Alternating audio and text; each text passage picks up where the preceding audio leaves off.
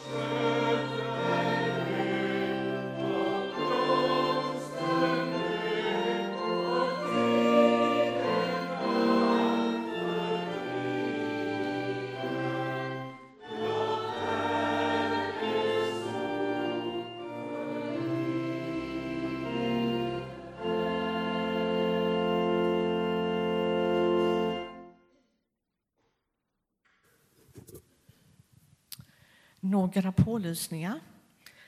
Nästa söndag så träffas vi till gudstjänst i Månsarps missionshus. Och då är det klockan 10.30. Och söndagen därpå så är det gemensam gudstjänst i Pingkyrkan här i Taberg. Och nästa söndag så har vi en solgårdskväll här.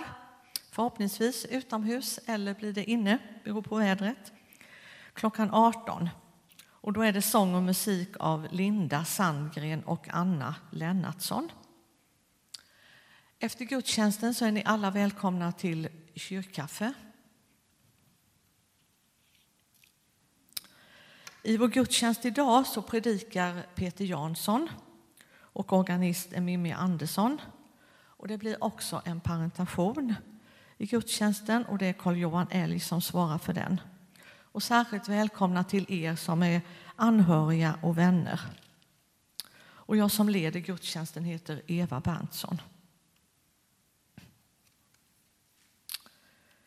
Jag vill läsa en liten sommardikt kan man väl säga.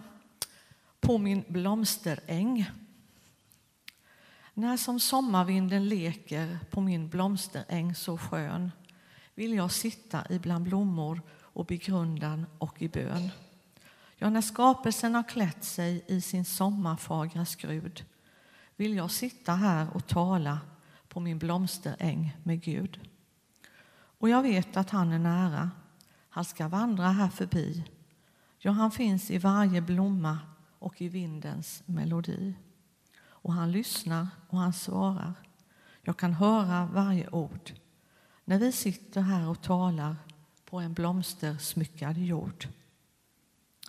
Ja, när sommarvinden leker på min blomsteräng så skön vill jag sitta ibland blommor i begrundan och i bön. Ja, när skapelsen har klätt sig i sin sommarfagra skrud vill jag sitta här och tala på min blomsteräng med Gud. Låt oss be. Herre, tack för att vi får komma till dig. Jesus, tack för det här tillfället att tillsammans fira gudstjänst. Du ser oss var och en, Herre, och du vet vad vi bär på, vad vi har med oss. Tack, Herre, för att du kan möta oss var och en med de behov vi har. Välsigna vår gudstjänst, de medverkande och välsigna alla som är här i, i rummet. Vi överlämnar allt i dina händer, Herre. Amen. Så sjunger vi psalm 324, vers 1-3.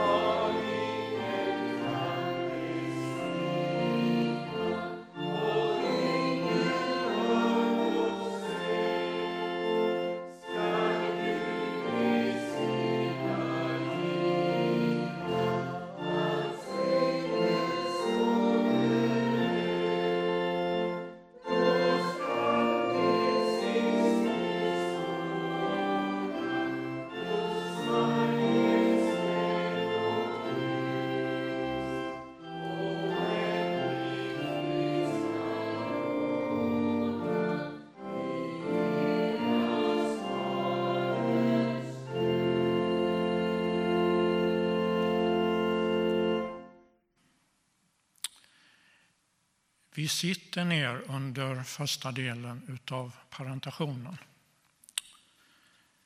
Två trossyskon i vår gemenskap har fått sluta sina liv på jorden.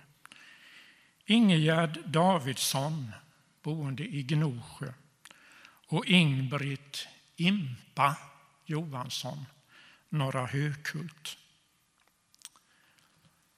Ingegärd Davidsson fick hem hembud fredagen den 8 juli. Hon blev 87 år gammal. Hon föddes 1934 i Öljehult, Blekinge, som nummer två i en syskonskara av fem systrar.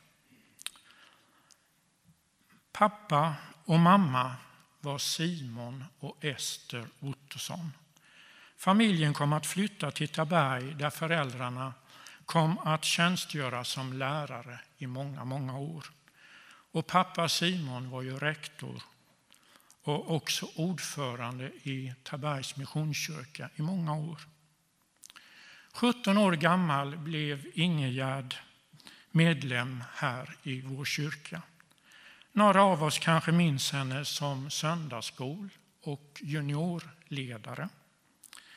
Efter några år på Monsaps kommunalkontor fick Ingegärd tjänst på Gnosjö kommunalkontor 1960. Och 1968 gifte hon sig med Lennart Davidsson från Hacklasbo här utanför Taberg. Och de kom att bo i Gnosjö sedan. Och där föddes sönerna Bo och Sten.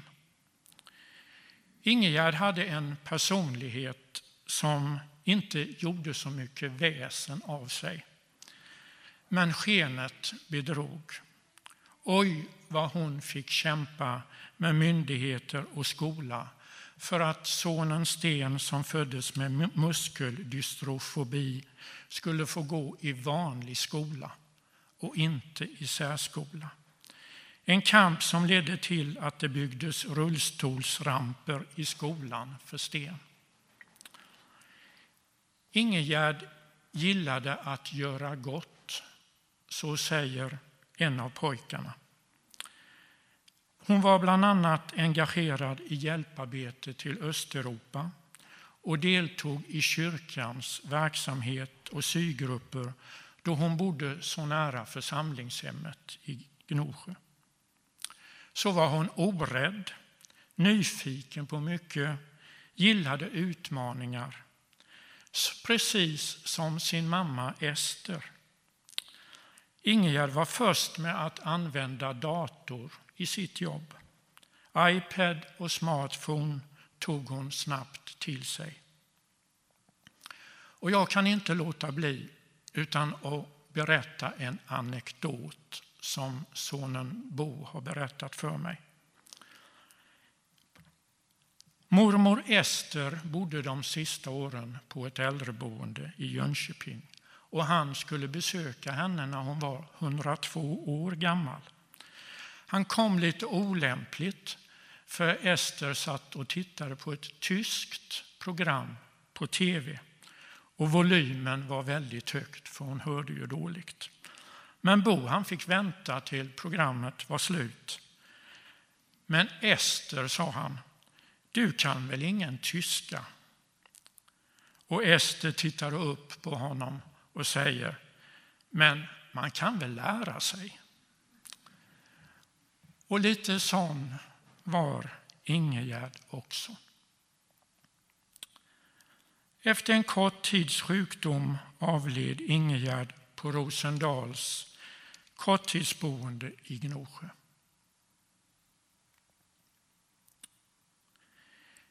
Impa Johansson, hon var ju mest känd under namnet Impa. Hon fick hembud förra söndagen den 10 juli 73 år gammal. Hon växte upp på bondgården i Norra Hökult tillsammans med två äldre syskon och fick tidigt hjälpa till med de sysslor som hörde ett lantbruk till. Pappan dog när Impa var 12 år gammal. Kallelsen att bli ett Guds vittne drabbade henne tidigt i livet och hon studerade på Mullsjö folkhögskola för att sedan kunna komma in på Kottebo missionsskola. Då var hon 23 år gammal när hon började där. Hon var klasskamrat med Stig-Arne Tengmer och mig bland annat. I samband med utbildningen där så var hon ute på rätt mycket seriemöten tillsammans med evangelistkamrater. Första församlingstjänsten hade hon sen i en församlingsgemenskap då hon bodde i Sandhem i Västergötland. Och 1977 till 1987 var hon pastor ute i Månsarps missionsförsamling, vilket också innebar tjänst i Ekeryd och till en början också i Älgabäcksryd. Distriktsföreståndaren då, Karl-Erik Andersson, lär ha sagt du kommer till en varm och god församling. Och så var det. Där trivdes Impa som fisken i vattnet. Hon fick tio år av stor församlingstillväxt och Lennart Edlund berättar här att hon döpte åtminstone 30 ungdomar under den tiden. Efter Månsarp blev det några år i Broarydskretsen. Men på grund av utbrändhet orkade hon sen inte gå vidare längre som församlingspastor. Men många kan vittna om att Impa fick vara pastor livet ut. Och vi minns hennes trosstarka predikningar under den tiden då hon var aktiv och hennes personliga omsorger om många människor, dag som natt. Barndomshemmet i Norra Hökult blev sedan hennes paradis på jorden. Där levde hon bland grönsaksland, katter och hönor och ett potatisland med inte mindre än 12-13 olika sorter. Så var hon medlem i Angeshästras missionsförsamling och kände sig hemma också i vår församlingsgemenskap här i Missionskyrkan där hon bland annat deltog i stickkontakten. Så fick hon på grund av sjukdom avsluta sina dagar på Ekhagens gästhem. Våra tankar och förböner går till Impas livskamrat och särbo Karl Olof Fransson och hennes systrar Elsa och Kerstin med familjer. Och när vi nu tackar Gud för Ingegerd Davidsson och Impa Johansson instämmer vi i apostelns ord från Romarbrevet 14. Om vi lever, lever vi för Herren. Om vi dör, dör vi för Herren. Vare sig vi lever eller dör tillhör vi alltså Herren. Så vill jag be församlingen att stå upp och vi ska tända ett par ljus här i ljusbäraren.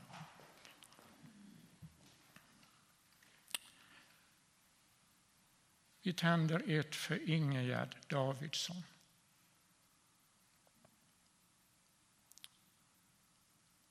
Och vi tänder ett för Impa Johansson.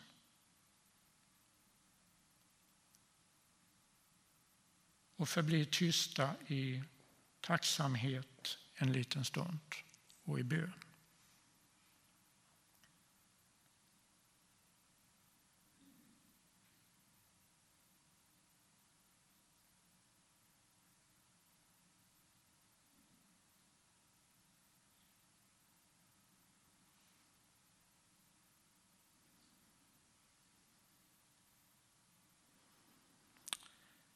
Gud, tack att vi får leva. Tack att du älskar oss varje dag, från vår första dag i livet till den sista. Och nu när Ingegerd Davidssons och Impa Johanssons liv är slut får vi tända ljus och bedja. Vi ber för nära och kära släktingar och vänner som sörjer och saknar nu. Och vi ber för oss alla. Du vet att vi ibland kan vara rädda för vad som väntar, för sjukdom och död. Påminn oss då om att du är med också då och att du sluter oss i din famn efter döden. Tack för Ingegärd och Impa och allt som de fick vara i människogemenskapen. Hjälp oss också att inte vara rädda. Amen. Begravningsgudstjänst för Ingegärd Davidsson äger rum i kretsen av de närmaste i Gnosjö. Och begravningsgudstjänst för Impa sker i Angeshästra Allianskyrka 2 augusti klockan 11.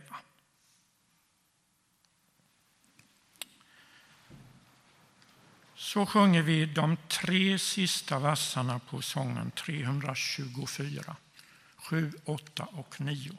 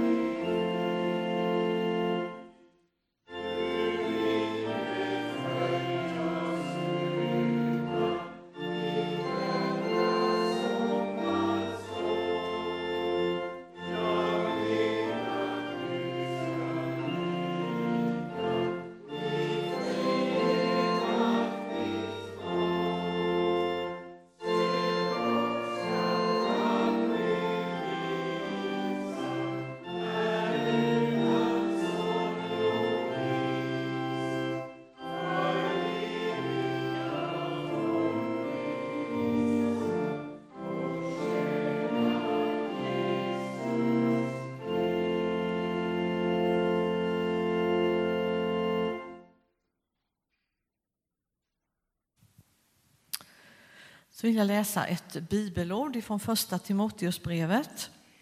En av de texter som är föreslagna för den här söndagen. Jag tackar honom som har gett mig kraft, Kristus Jesus, vår Herre, för att han fann mig värd förtroende och tog mig i sin tjänst. Mig som förut var en hädare och hänsynslös förföljare. Men jag mötte förbarmande därför att jag handlade i okunnighet i min otro. Vår Herres nåd har överflödat med tro och kärlek i Kristus Jesus. Detta är ett ord att lita på och värt att helt ta till sig. Kristus Jesus har ju kommit till världen för att rädda syndare och bland dem är jag den störste. Men jag mötte förbarmande och det för att Kristus Jesus skulle kunna visa allt sitt tålamod på mig som den förste. Urtypen för dem som ska komma till tro på honom och vinna evigt liv. Evighetens konung, oförgänglig, osynlig, den enda guden, hans är äran och härligheten i evigheters evighet.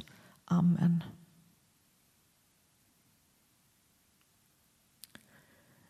Det finns mycket i texten som man kan ta till sig. Men den här eh, strofen att Guds ord är ett ord att lita på och värt att helt ta till sig. Han har kommit, Jesus, till världen för att rädda syndare. Det får vi också ta till oss. Herre, låt oss be. Jesus, tack för ordet. Tack för att vi får stilla oss nu. Vi ska strax sjunga en sång, Herre, och sen får vi lyssna på predikan. Jesus, hjälp oss att öppna vårt sinne och vara lyhörda för ditt ord och det du har att säga till oss. Låt oss också be Herrens bön. Vår Fader, du som är i himlen. Låt ditt namn bli helgat. Låt ditt rike komma.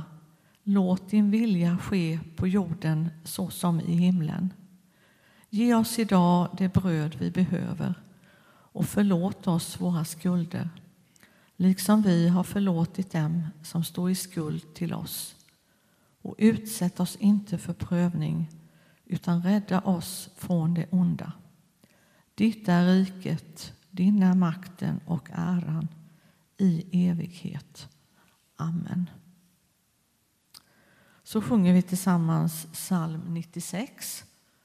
Och under tiden så har du möjlighet att ge en gåva. Och swishnumret till församlingen här kommer upp på skärmen. Och eh, det finns också möjlighet vid utgången att ge en kontant gåva. Och ni från de andra församlingarna har säkert möjlighet att ge en gåva till er hemförsamling. Nu sjunger vi.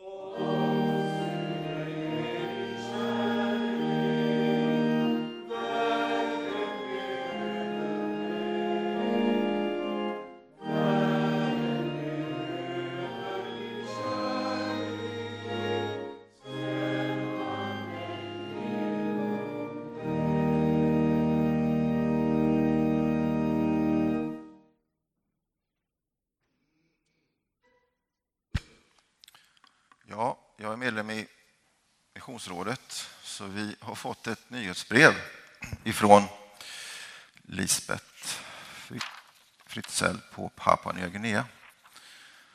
Ehm, så jag ville hem, hälsa från henne. Och hon har jobbat till och från på en plats som heter New Ireland Translation Institute sedan 2007 och jobbat med att översätta språket fanamaket tillsammans med ett team där och de har översatt hela Nya Testamentet. Nu har de börjat, på att, börjat med att översätta ett nytt språk som heter Sirlak eh, som redan har varit igång och jobbats på i ganska många år. Ungefär hälften, 50 procent av Nya Testamentet är översatt. Men missionären som jobbat med dem har nu gått i pension så att hon har, säger hon, kanske bättre förutsättning Eh, än andra eftersom det språket som hon redan kan är ganska likt det här språket. Så hon jobbar med det nu. Eh, de har fått tryckt, Nya testamentet. Eh, för ett par år sedan redan så kom det från tryckeriet det här första språket jag jobbade med, Faramaket språket. Så att de hade en invigning där nu Eh, i november 2021. Covid har ju stökat till det lite så att hon kunde inte vara med, men de har i alla fall nu fått sina Nya testamentet på det språket. Ehm, och sen säger hon att i slutet av juli nu så reser hon tillbaks till Kavieng och därifrån vidare till Ukarumpa för att återigen ta upp arbetet som teamledare. Ehm, hon har inte kunnat sköta arbetet där hon är nu eftersom det tar så mycket tid med översättningsarbetet istället. Och så säger jag några bönämnen också. Be för min hälsa. Jag har fått diagnosen högt blodtryck och har nu börjat ta tabletter för det. Jag har också problem med ryggen av och till. Be också för en språkgrupp som heter FENI. Ett team från FENI har jobbat i flera år med översättning och är ganska nära att vara klara med Nya testamentet. Ingen har kunnat kontakta dem under covidperioden för de bor på en ögrupp utan mobiltäckning. Och nu upptäcker vi att ingen i teamet har möjlighet att fortsätta arbetet. En har fått ett annat jobb, en är sjuk och några andra har vi inte hört någonting ifrån.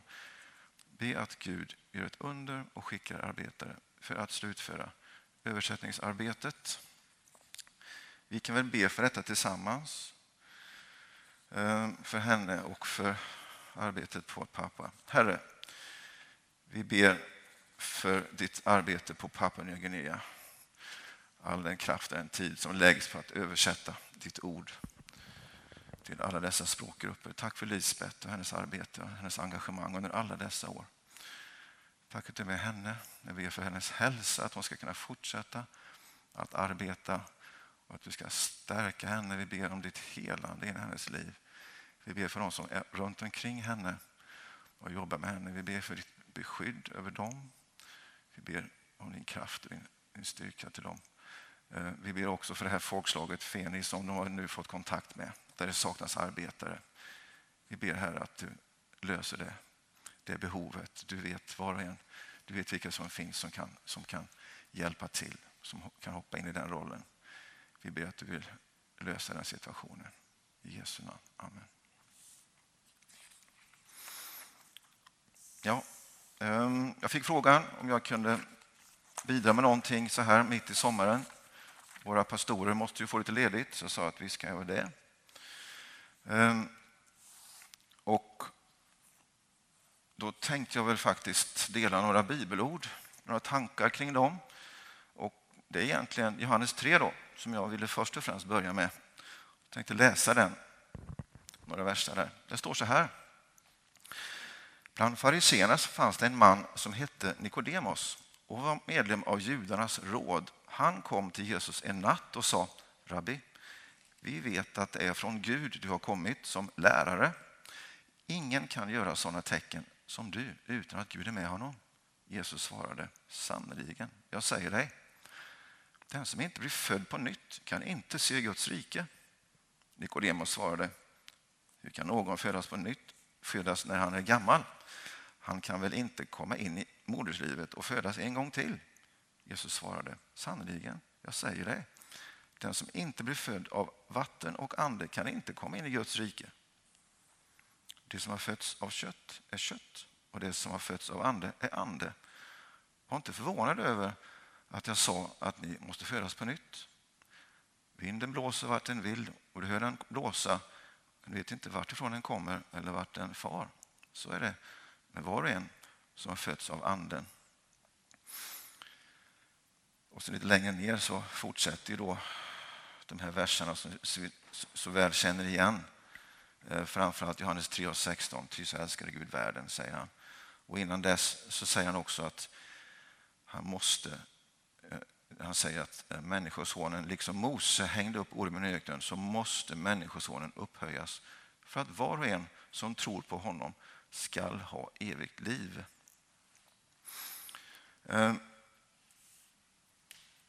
Nikodemus är ju en farisé.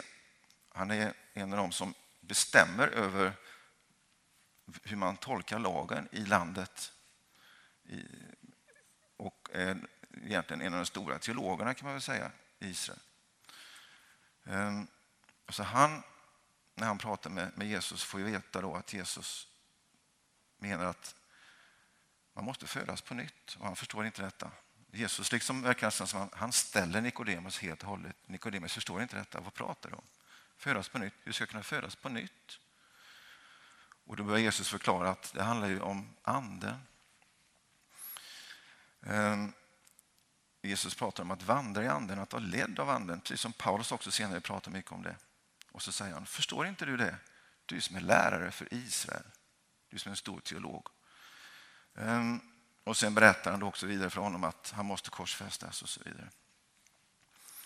Ehm, och det verkar som att han lyssnade noga på detta. För att är det någonting som slår en när man läser om korsfästelsen så är det att det är två personer som inte verkar drabbas av varken panik eller handlingsförlamning. Resten är ganska chockade. Men det finns två personer som omnämns. Det är, det är Josef utav Arimathea och det är Nikodemos det som verkar vara väl förberedda eh, för detta eh, och har insett att det kommer att ske. Så att Josef utav Arimathea han ordnar så att Jesus får tas ner från korset.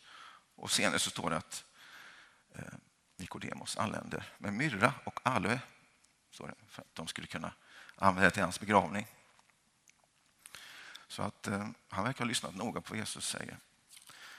Eh, däremot så måste han ha funderat mycket var någonstans Jesus tar det här, födas på nytt. Man kan leta ganska intensivt i Gamla testamentet.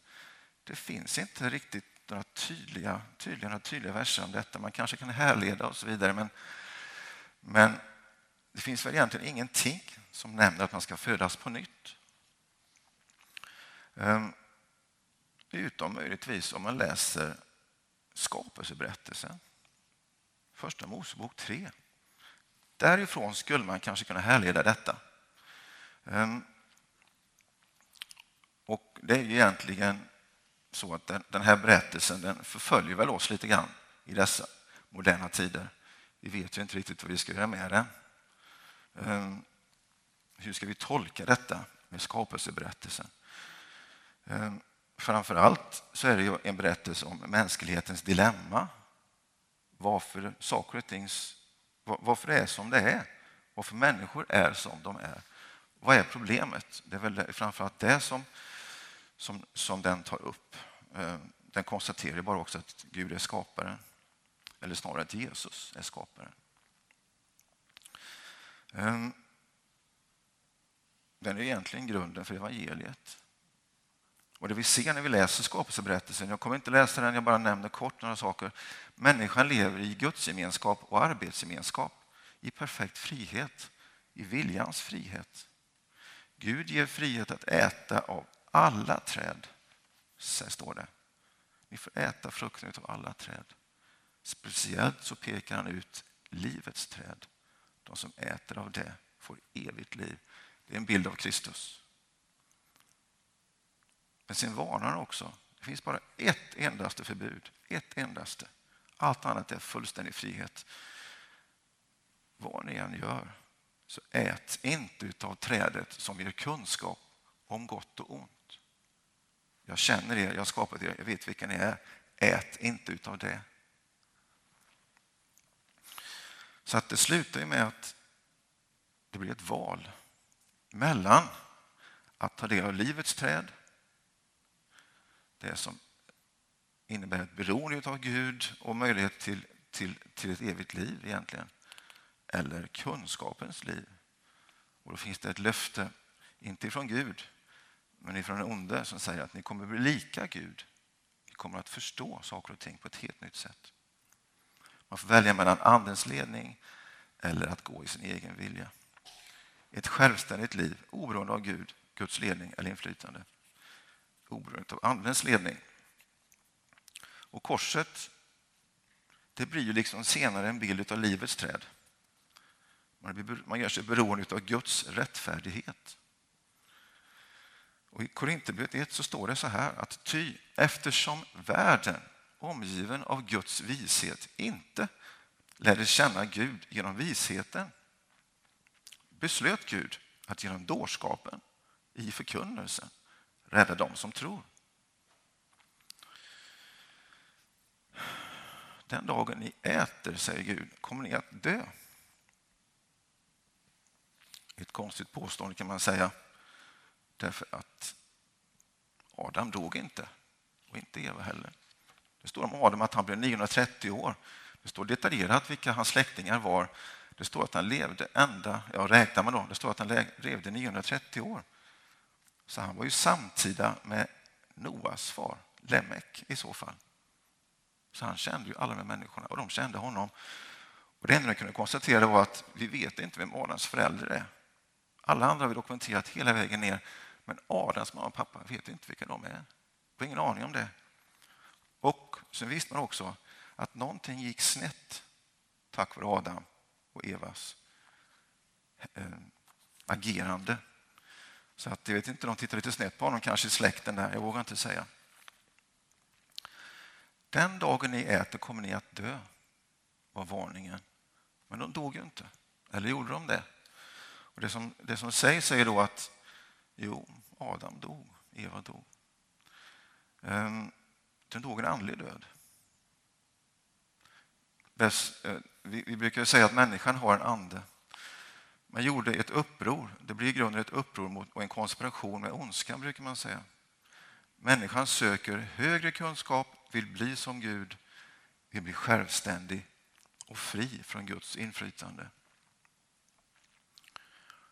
Paulus varnar också för själviskhet, säger han, detta avguderi. Och Romarbrevet 1 säger om att de bytte ut Guds sanning mot lögnen. De dyrkade och tjänade det skapade istället för skaparen. De dör alltså en andlig död. Och ganska snart så ser vi att då framträder den våldsamma människan. Makt och dominans leder till våld och död. Gud ångrar att han har skapat människan. Och sen är vi framme vid Noas tid. Människan behandlar varandra illa. Synd kanske vi ofta tänker på som någonting vi gör emot varandra, någonting vi tänker Eh, och så vidare. Men egentligen är det som så att synd är ett symptom på någonting som är annat som är djupt fel. Det är ett andligt problem också. Vår tillbedjan är helt enkelt korrupt. Vi prioriterar fel och värderar fel. Ehm, så att det som hände var att man, människan tappade förmågan att leva i ett kontinuerligt flöde av gemenskap och ledning från Gud. Det vi kallar, eller snarare Paulus kallar för vandra i anden. Gud upplevs nu som tyst och frånvarande. En Gud som måste blidkas. Och det här med att påståendet då, som inte Nikodemus alls förstår, som kanske måste härledas till det här kapitlet, den här versen. Bibeln lär ju att människan är ande, själ och kropp, tre delar, inte två. När jag gick på Flavets bibelskola för många år sedan, då var jag 15 år, då fick vi lära oss väldigt mycket olika saker om Bibeln. Och en sak fick vi lära oss som satte sig hos mig, nämligen hur vi definierar människans själ. Och då fick jag lära mig att själen den består av kunskap, vilja och känsla. Och det kan man slå upp var som helst. Det är ett vedertaget, i alla fall inom teologin. Kunskap, vilja och känsla, det är själen. Men däremot så minns jag inte så mycket om, ja vi pratar säkerligen mycket om helig ande, Guds ande. Men jag kan inte minnas vad vi sa om människans ande. Och om det fanns någon definition på det. Ehm, och överhuvudtaget när jag kanske pratar om andliga saker så blir det lite, som man säger, lite ogreppbart. Vi har ju till och med en lära om själen. Det kallas för psykologi, lära om psyket. Men Maria, Jesu moder, hon säger det. Jag vill hylla Herren av hela min själ. Min ande jublar över Gud. Jesus säger, när han dör, säger han Fader, i dina händer överlämnar jag min ande. Jag tror att när man söker på och tittar på detta med människans ande så brukar det vara ett, en sak verkar man vara överens om. Det handlar om tillbedjan. Jesus pratar att i framtiden så kommer vi inte tillbe här eller Jerusalem utan vi kommer, vi kommer tillbe i ande och sanning. en djup koppling mellan tillbedjan och anden. Att bekänna och att proklamera Guds egenskaper och värde, hans makt, hans godhet, hans omtanke, hans visdom. Själen har inte riktigt den förmågan som, anden, som, som mänskliga anden har att på rätt sätt tillbe Gud.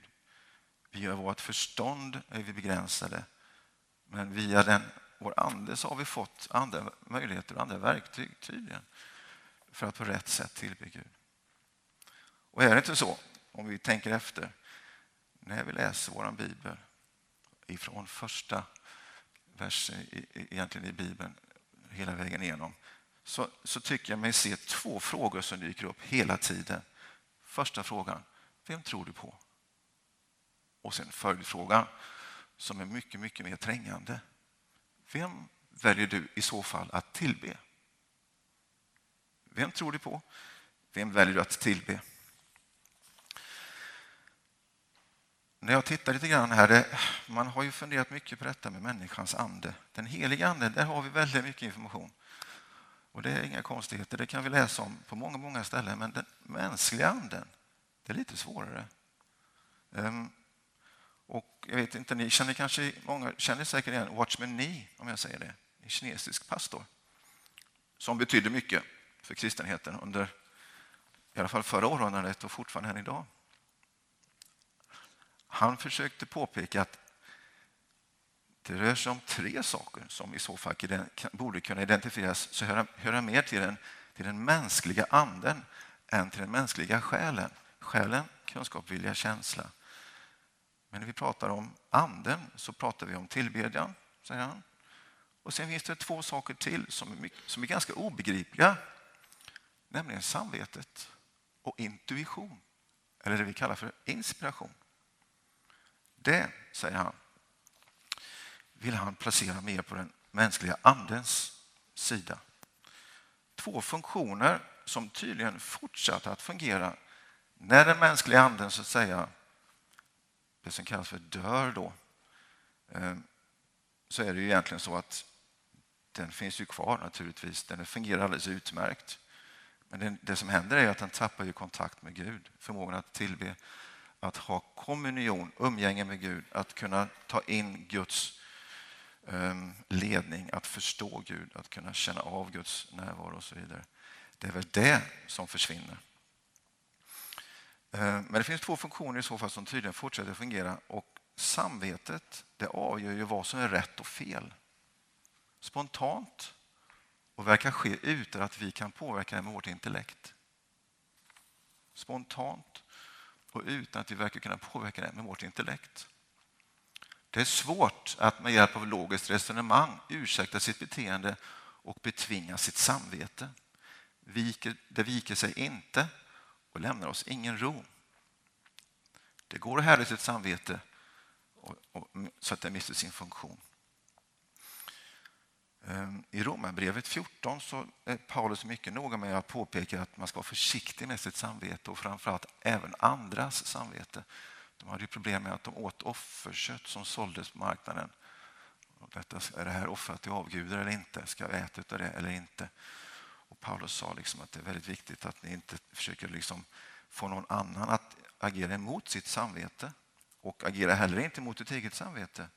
Ditt samvete är viktigt. Ehm, och till slut så säger han allt som inte sker i tro är synd. Och det låter faktiskt ganska logiskt. Trosamvete samvete är djupt sammankopplat. Skam och skuld hör ju samman med det här att vi bryter mot vårt samvete. Våra psykologer och terapeuter har fullt upp med att hjälpa människor att hantera eh, sina samvetsproblem, sin skam och skuldkänsla. Det första som händer med Adam efter att han har betett sig som han har gjort så drabbas han av dåligt samvete. Hans ande dör och det första som händer är att han drabbas av dåligt samvete. Han mister sin frimodighet och drar sig undan från Guds ansikte, står det. Kampen mellan själ och ande är en kamp mellan vilja och samvete. Men det verkar som att Gud övergav inte människan utan han försöker ändå på något sätt att locka henne. I första Mosebok 6 så står det på svenska, I svenska bibeln står det att min ande ska inte bli kvar i människorna för alltid eftersom de är kött. Men i engelska versionen så står det att min ande ska inte för, eh, ska inte eh, för evigt sträva eller bemöda sig med människorna. Och Det liksom verkar antyda någonting det här med att Gud försöker att påverka oss genom vårt samvete. C.S. Lewis skriver mycket om den här moraliska lagen som finns överallt oavsett kultur, tro eller bakgrund. Så har människan en inbyggd tro eller inbyggd eh, moralisk lag som vi alla på något sätt verkar ha. Hebreerbrevet 9.14. Hur mycket mer måste då inte blodet ifrån Kristus som i kraft av evig ande har framburit sig själv som ett felfritt offer åt Gud rena våra samveten från döda gärningar så att vi kan tjäna den levande guden. Rena vårt samvete. Och det är inte så att det är mångas vittnesbörd när de kommer till tro. Det första man upplever är en djup frid. Det andra man brukar nämna till sin egen förvåning oftast är att med tiden så får man ett känsligare samvete. Sådant som aldrig någonsin tidigare har gett den minsta betänkligheter börjar nu pocka på uppmärksamhet. Det där är inte rätt, så kan du inte göra. Du kan inte säga så, du kan inte behandla dem så. Någonting som man aldrig har brytt sig om tidigare. Så att jag tror att Watchman är inne, inne på ett intressant spår där. Människans samvete är definitivt någonting som, som vi vet att, om att det finns, men det kanske är så att det absolut mer tillhör den andliga sidan av oss än den själsliga sidan. Den andra delen då som, som vi nämner här är ju intuition eller inspiration. Vi pratar ju om att på något sätt har människor kunnat skriva ner Bibeln. Men hur gjorde de det? Hur kan de veta vad Gud har sagt? Vad finns det för möjligheter? Då pratar vi om dem. intuition är ett modernt ord, men inspiration är det kanske äldre ordet vi använder. Att uppfatta någonting som ligger utanför våra vanliga sinnen eller vårt intellekt. Det vi kallar för ingivelse eller spontan insikt. Vi vet bara plötsligt utan att vi vet hur vi vet. Det kan vara en magkänsla. Det kan också vara någonting som tillhör den eh, andliga sidan. Jag lyssnade på en eh, eh, intervju här med en psykolog som pratade om detta. Att han har, inte, har jobbat med många, många elever, undervisat psykologi i många, många år. Så han ställde frågan och sa det. Är det så, sa han till, till alla sina elever under åren. Han sa det ställde frågan till många, många, många. Är det så att ni har en inre känsla eller en inre röst som säger till er innan ni gör någonting att det här ska du inte göra? Och han sa i princip alla erkänner att ja, så är det. Och han sa, men det här är ett fält som är helt outforskat i psykologi. Vi förstår oss inte på det. Vad ska man göra med det? Var kommer det ifrån? Och så ställde han frågan, men när ni får den här ingivelsen, följer ni den då? Och det erkände många att nej, det kanske man inte gör. Nej. Så säger han, ja, och så skäms han extra mycket sen. Men det blev precis så som man visste att det skulle bli. Så att på något sätt så har vi ju då, även fast vi så att säga har separerat oss ifrån Gud, kvar den här förmågan att vårt samvete och vår, in, vår intuition. Mycket, mycket märkligt och mycket intressant. Jesus säger nämligen att han gör bara det han ser Fadern göra. Ehm, och I Markus 2.8 så säger han, står det att nu satt det några skriftlärda och de tänkte för sig själva hur kan han tala så? Han hädar ju. Vem kan förlåta synder utom Gud? Jesus förstod i sin ande vad de tänkte och sa till dem hur kan ni tänka så i era hjärtan? Så att eh, återigen verkar det som att det här med att uppleva eller förstå saker och ting ligger på den andliga sidan. Och visst har vi hört människor säga detta under många gånger vittnesbörd. Jag upplevde Herrens tilltal. Ett ord kom till mig och så vidare. Hur sker det? Hur är det möjligt? Tanken är den att vår ande är kontaktpunkt med Guds ande.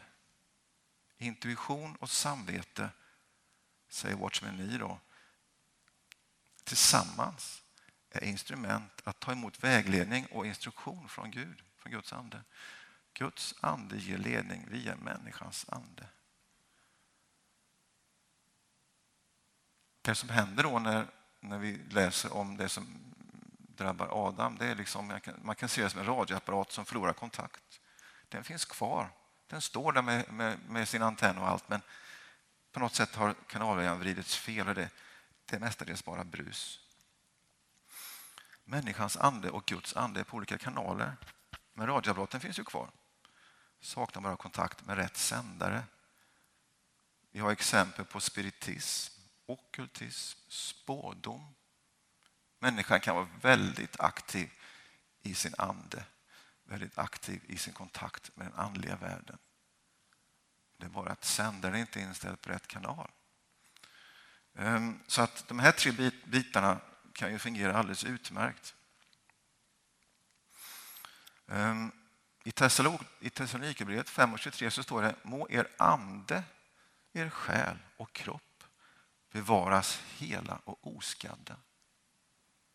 Ande, själ och kropp i den ordningen också. Anden var tänkt att vara den dominerande och ledande parten av de tre. I första Korinthierbrevet 2.14 står det den oandlige tar inte emot vad Guds ande säger. Det är dårskap för honom och han kan inte förstå det eftersom det måste bedömas på ett andligt sätt. Den som är andlig däremot kan bedöma allt.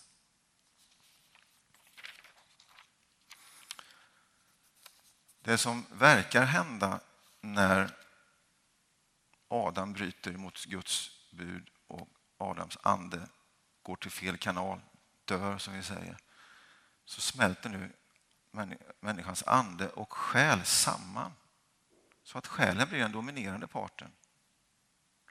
Vi bedömer allting via vårt intellekt och våra känslor i kroppsligen och själsligen. Kroppens drifter och behov kan vara den drivande parten i människans val och leverne. Och så står det då i Hebreerbrevet 4.12, någonting som är mycket, mycket intressant.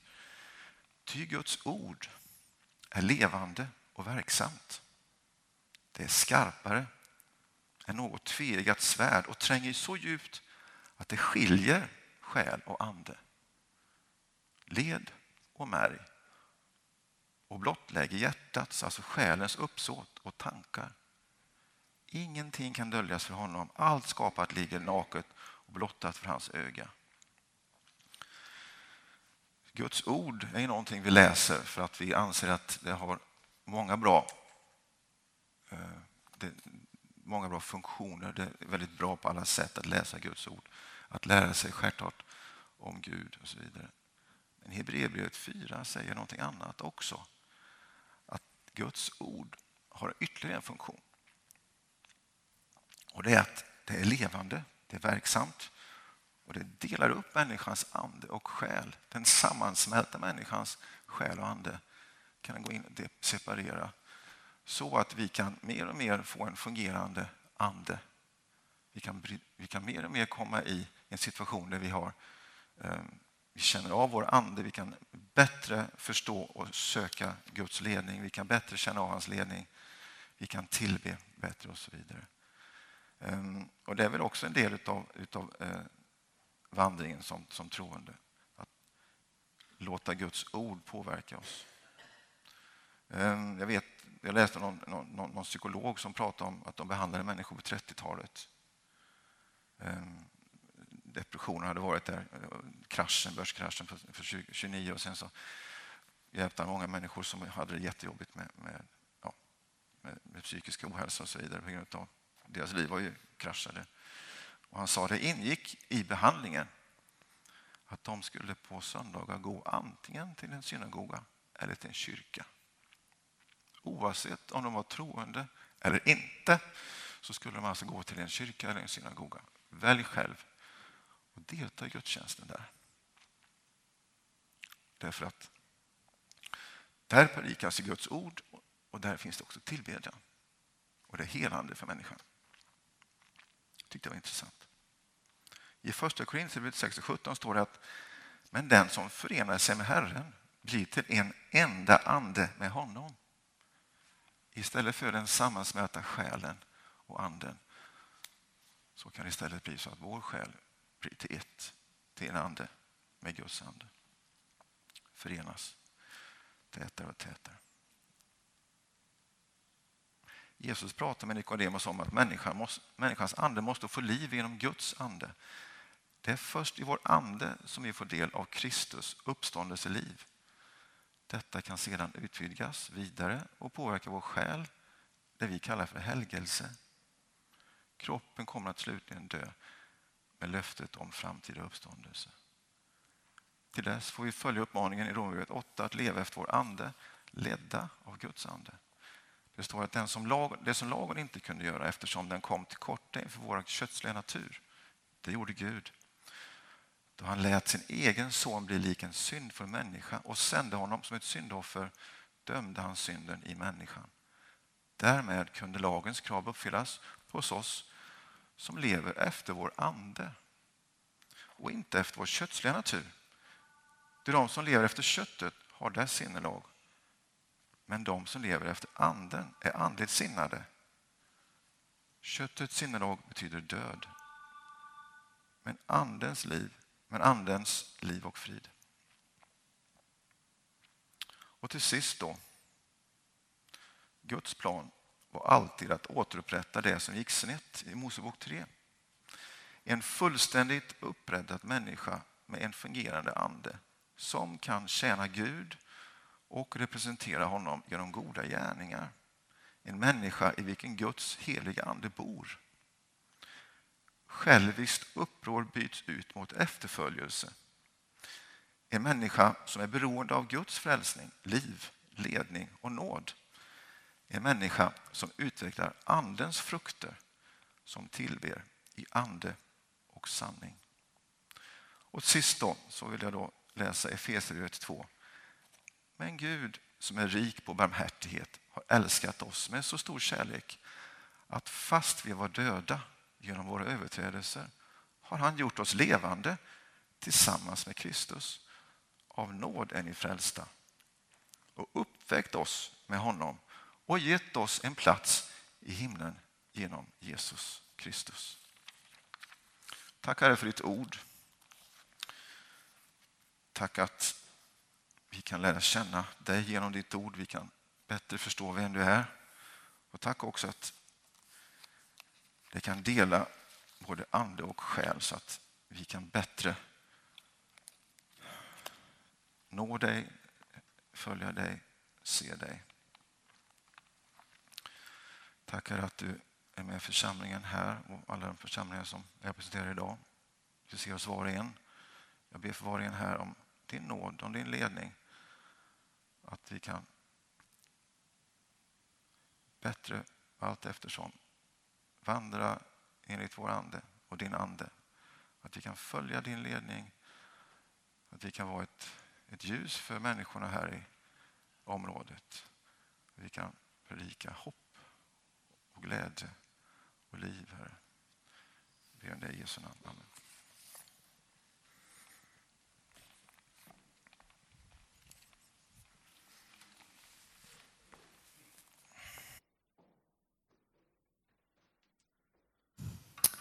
Tack Peter. Nu får vi dröja en liten stund i bön och tillbedjan. Och under tiden så sjunger vi de här sångerna 853 Bara i dig och 758 Visa mig Herre din väg. Och under tiden så har du möjlighet att gå fram och tända ett ljus. Men vi dröjer i bön och tillbedjan och sjunger.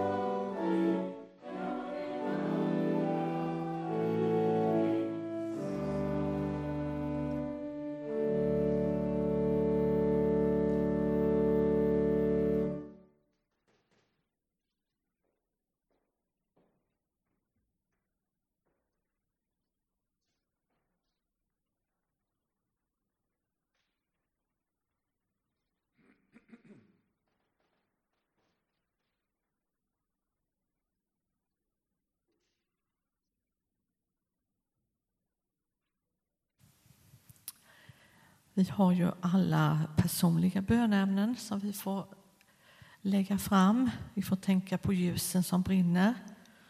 Och vi har fått ett bönämne här. Be för en småbarnsmamma med svåra psykiska problem just nu.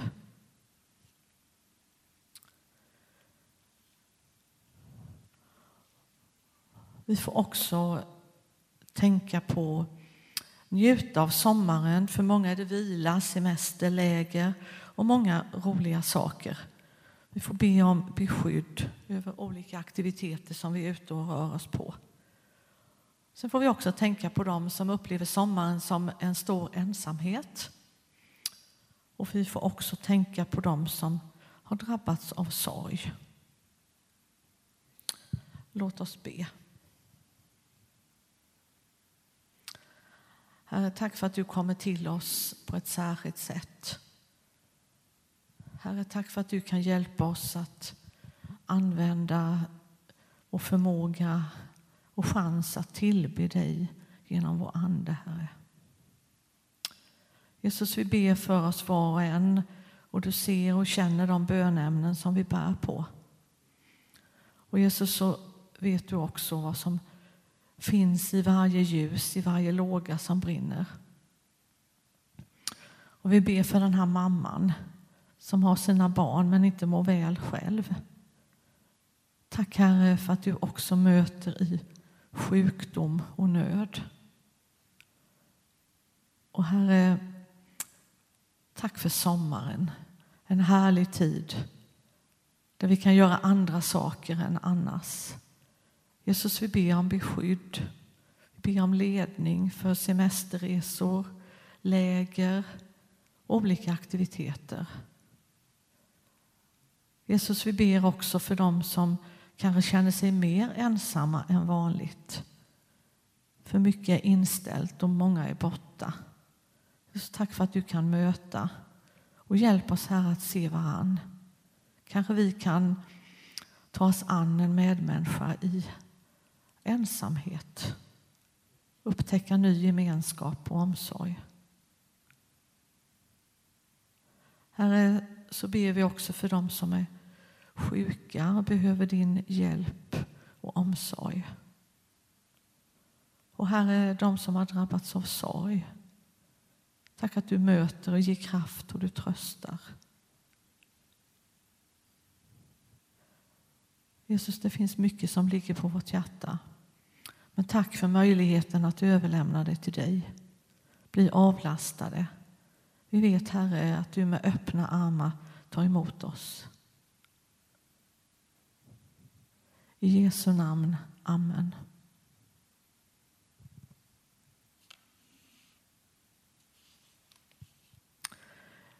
Mitt i det mörka kan jag skymta korset. Inte en dödens symbol, men livets. Mitt i det mörka ser jag segerns tecken, orubbligt och oförstörbart. Genom stormens mörka tonvirvlar når mig en ljus, bärande stämma.